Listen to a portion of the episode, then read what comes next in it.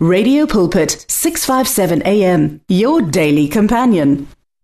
Lochani bazalwane emakhaya ni lochiswa ngumfundisi uJM Mahlangu webandla leFair Havens Revival Church kwamhlanga eSun City AA nginilochisa ke ehlelweni ikonzo ngisemhathweni omkhulu iRadio Pulpit ePretoria umnganakho wamalanga wonke ngifuna ukukhuluma msinyana bazalwane ngesihloko esithi kill your sin and leave it behind. Bulala isono sakho usichiye ngemva kwakho. Namhlanje ngifuna abalaleli simbawe umoya oqwengileko umoya kazimu. Bonyana usihelebhe ukuthi ngokweqiniso ngokwambala sibulala izono empilweni zethu ngaphambi kokuthi isono sibulale thina. Sisibulale isono sisichiye ngemva kwethu. Wena usenza isono namhlanje lithuba lakho. Wena usesenezono ozaziko nongazaziko. Ithuba lokuthi size phambi kwakasomnini sizokuvuma izono zethu. Usibulale isono sakho umbawe umoya oqwengileko moya otswitswitsi bonyana kuhelebhe sibulale ngeqiniso sona empilweni yakho. Ngaphambi kokuthi sona sibulale wena. Usibulala usichiye ngemva kwakho.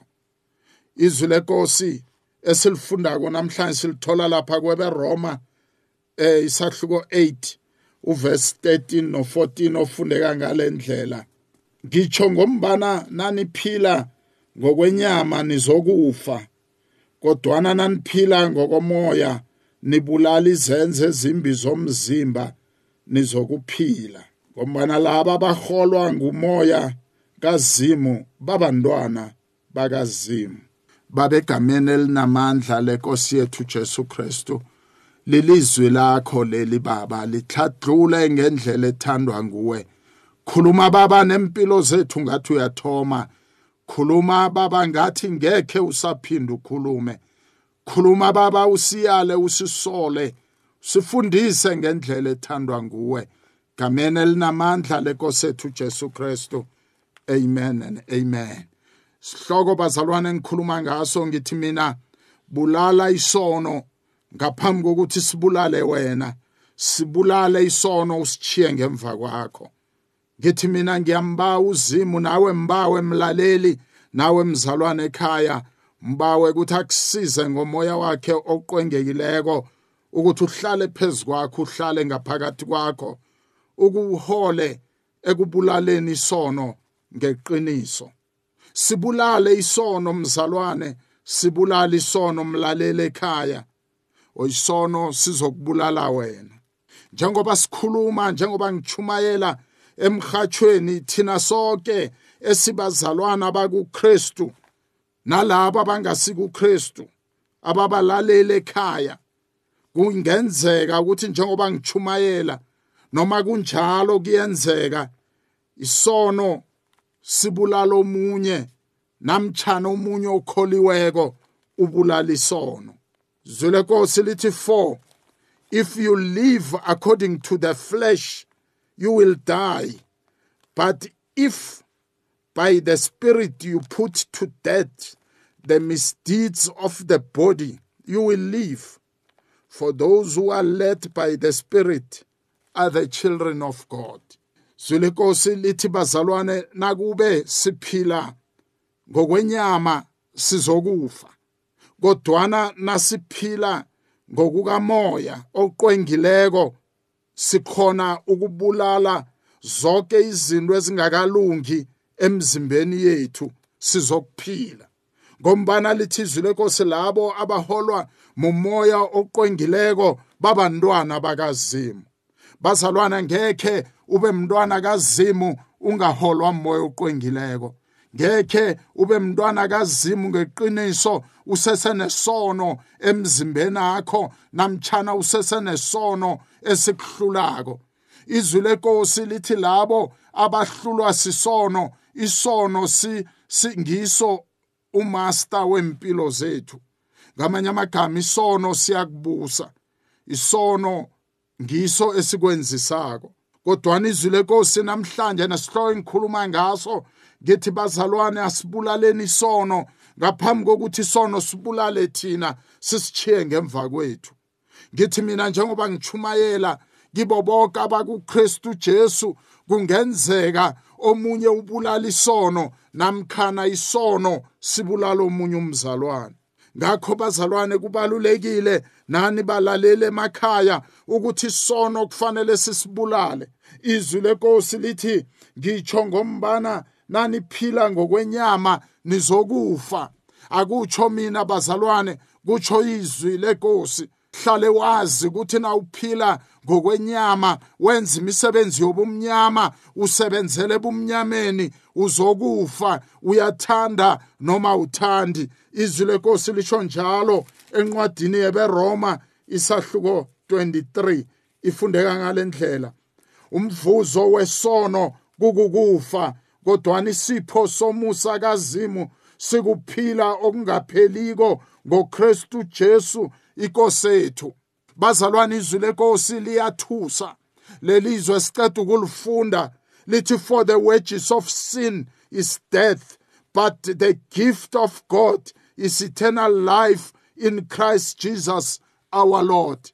Bazalwane ngamanye amagama kufuneka sihlukane nesono ngoba isono sowusenzile sesikhulile isono siyakubulala. Yingakho ngithi kuwe namhlanje usathoma unyaka enyangeni kaJanuwari ungavumi ukukhamba nesono enyakeni ka2024 sibulale isono sakho ngaphambi kokuthi sibulale wena bewusichiye ngemva kwakho. Ngoba baningi abazalwane abezwa izwi lenkosi nabalalele emakhaya baphenduke bamamukela uJesu njengenkosi nomsindisi kodwana nabaceda ukuzwa izwi lelo babuyele emuva endleleni zabo ezingakalungi izwi lenkosi lithi namhlanje bazalwane empilweni zethu nakhibe siphila ngokwenyama sizokufa. Lele linye silifundile amaroma 6:23 lithi bazalwane umvuzo wesono kukufa.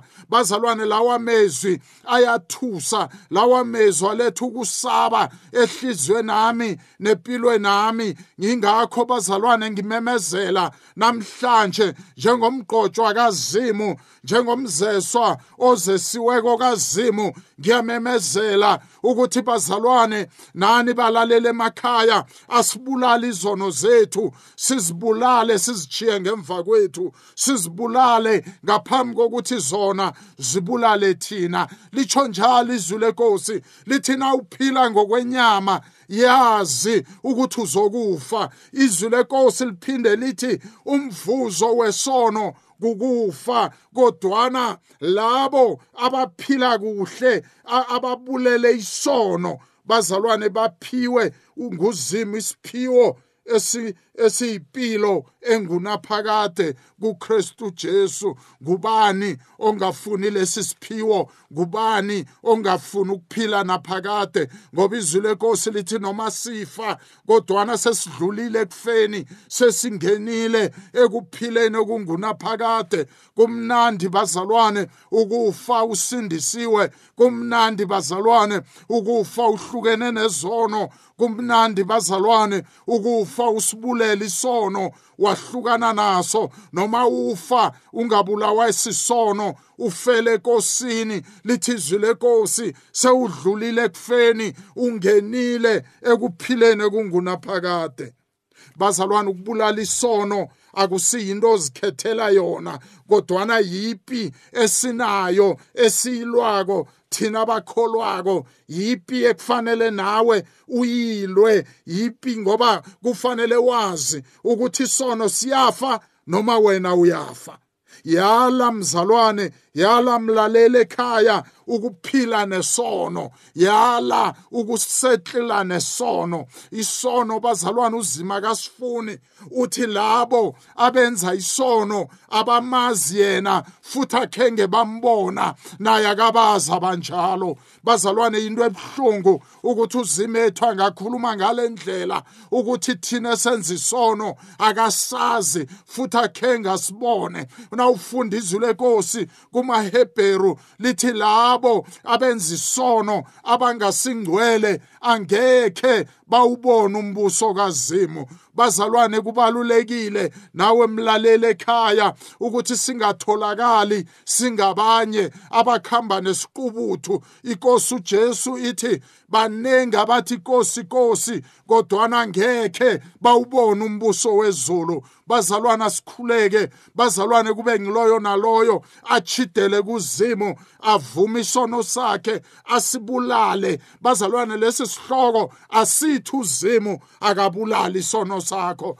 Kodwana lesi sihloko sithi wena kill your sin and leave it behind. Ngoba bazalwane ngithi esithanda isono. Sono siyathandeka empilweni zethu. Loyo naloyo othi yena usindisiwe umntwana kazimu nawe mlaleli ekhaya sono siyasigijima kiso. Sono siyasithanda. Ngakho ke namhlanje isihloko sithi wena bulala isono sakho. Sibulale ngaphambi kokuthi sona sibulale wena. Ngoba bazalwane iza ngikutshele izwi lenkosi lithi umvuzo wesono kukufa. Akukho ngenye indlela. Lokho izwi lenkosi elikhulumako kuyoba njalo. Ngithi kuwe mzalwane kufa wena or kufa isono ngithi kuwe yala ukuhlala nesono. Yala ukuphila enyakeni ka2024 uphile nesono. Namhlanje bulala isono sakho usibeke ngemva kwakho. Uyasazi isono esikuhlulako wena. Uyakwazi wena okukuhlulako egameni nasegazini lenkosi yethu Jesu. Ngifuna ukufunda msinyana izwi lenkosi encwadini yabasefilipi efundeka ngalendlela egameni nasegazini lenkosi yethu Jesu. Fundeka ngalendlela bazalwana basefilipi isahluko 3 uverse 13 to 14 fundeka ngalendlela bazalwane angitsho bona sengikuzuzile lokho kodwana yinye into engiyenzako ngikhohlwa ukungemva kwami ngihlabele phambili ngamandla. Kilokho okuphambi kwami. Pawuli uthi nakakhuluma nabazalwane baseFilipi uthi bazalwana ngitsho bonyana nokho nami sengifikile lapho ngizuze khona.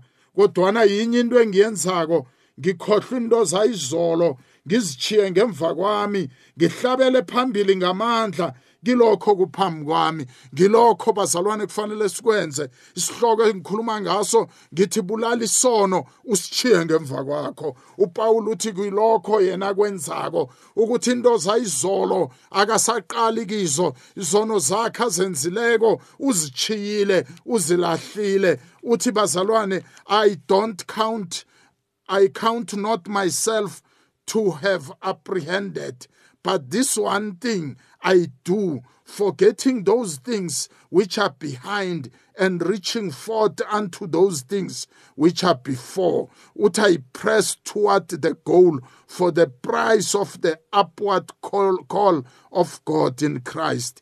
amen bazalwane uyakhohlwa ngezono zakhe uyadlula kizo akathi nakazilahlile aphinda abuyele kizo. Bazalwane njengoba singenile enyakeni ka2024 sikuJanuary inyanga yokthoma lithuba lakho ukuthi nawe manje uthe empilweni nakho angiyokuthubeka nesono angiyokuthubeka nempilo engiyiphilako angekhe ngiqhubeke nokudlala usathane angekhe ngiqhubeke nokubuswa sisono ngoba isono bazalwane sesikhulile empilweni yethu siyasibusa. Namhlanje ungajamelana nosathane namhlanje ungasikhuza isono sakho ukuthi isono ngiyakulisa namhlanje ngegama nangegazi likaJesu. Jesu bazalwane nasi into emude yenzeke. Hlukana nazo izono zakho zilahle. Abanye bethu into esenza sihlale ezonweni ukuthi asinako ukuthokoza sihlala njalo sibhitha empilweni zethu. Na uhlala unjalo ibitterness iba yindawo yokuhlala kwesono empilweni yakho kodwana namhlanje bazalwane sibulale isono sakho. Ngaphambi kokuthi sibulale wena sibulale bese usichiye ngemva kwakho. Ukhambe ukhululekile kill your ugly past. Bulala izono zakho ezimbi ezidlulileko. Bulala izono zokuhluleka. Bulala ihlazo empilweni yakho hlukana nesono. Tshela omunye namhlanje ukuthi nawe uyaphenduka uyahlukana nesono sakho uyasibulala isono sakho ngoba bazalwane kubalulekile ukuthi kube nabantu empilweni yethu abaziko ngamagadango esiwathathako ukuthi namhlanje sihlukana nezono sibulala izono zethu. Ngaphambi kokuthi zibulale thina siyazibulala sizichiye ngemva kwethu. Unyaka ka2024 ungaba mnyaka omuhle empilweni yethu bazalwane nasingabulala isono sisichiye ngemva kwethu. Bazalwane zinenge izinto phambi kwethu ezihle uzima afuna ukusenzela khona. Ingakho uPaul athi ngikhohlwa konke okusemuva ngiqale phambili lapho umnqopho wami omkhulu khona okulubizo lami kuzimu kuKristu Jesu. Bazalwane namhlanje bulala isono sakho usishiye ngemva kwakho. Sibulale isono singakubusi kuzikhulule namhlanje ungaphili enyakeni ka2024 ubuswa sisono. Sono uzima kasithandi uzima kathokozi ngomuntu ophila nesono. Uzima ufuna abantwana bakhe basindiswe ngokweqiniso baphila impilo yokukholwa baphila impilo lapho uzima naye athokoza ngabo. Uzima uyathokoza ngathi bazalwane nasihlukene nezono. Namhlanje njengomzeswa kazimu njengoqotshiweko kazimu ngiyamemezela phezu kwempilo yakho. I decree and i declare ukuthi izono zonke ebezikhona empilweni yakho ngoba wena uyavuma namhlanje uze bukhoneni bukazimu uyazibulala lezo zono zakho. I decree and i declare ukuthi izono zakho ngekhe zisaphinda zikubuse. Izono zakho ziyafa namhlanje ngoba wena uyavuma. Phakamisa izandla ekhaya mlaleli nawe mzalwane ngikhuleke nawe. Ngoba isono sakho wena nawuvuma nje kuphela uzimethu yokususa isono sakho. Asuse ukungazithembi asuse ukusaba asuse konke okukwenza ungathokozi. Uzimethu asuse wonke umthwalo asuse konke ukuhlangahlangana empilweni yakho. Uphinde ukhambe phambi kwakazimu ukhululekile ukhambe phambi kwakazimu usidalwe esitsha ngifuna namhlanje ngikhuleke nawe. Bese uthokoze umdumise uzimu ngoba uzimo ethu unguzimo othethelelako unguzimo ohlala njalo ezithembisweni zakhe. Izithembiso zakhe zimile ziqinile ukudlula izintaba. Inthembiso zikazimu zijamile isiphelani. Into ayithembisileko uyoyenza. Uzimethu uthi bulala isono sakho. Ngaphambi kokubana sikubulale bulala isono sakho. Bese usichiye ngemva kwakho. Izwi lenkosi lithe umvuzo wesono kukufa. Angikholwa ukuthi sifuna ukufa sifele ezonweni ngoba sinabo ubuphilo obuphakade. Nasifa njalo. Ngiyathandaza nalabo abathi mfundisi ukhuleka nje ngiyasibulala isono. Ukhuleka nje ngiyasisusa. Eh, ngena nami ke ngomkhuleko ekhaya ezulwini. Babegameni elinamandla lenkosi ethu uJesu Kristu. Baba naba abantwana bakho uyababona emakhaya. Baphakamisa izandla balizwile izwi lakho. Lapho babuthi sibulala isono ngaphambi kokuthi sona sibulale thina sisibulale sisichiye ngemva kwethu. Babegameni elinamandla lenkosi ethu uJesu Kristu. Vumelana nathi baba ngomusa kamoya ingcwele yehlela phezulu kwempilo zethu. Baba kusuka emakhanda wethu kuye enyaweni usihlambulule usihlanze. Njengoba baba sivumile izono zethu. Baba senze indalo ezitshe enkosini uJesu. Gameni elinamandla lenkosi yethu uJesu Kristu. Amen and amen. Hallelujah. Na umfuna umfundisi mfonele kule number ethi 0729873673 amen. The words of the Lord are words of life Your heart is on 657 AM. 657 AM. Radio for believers in action.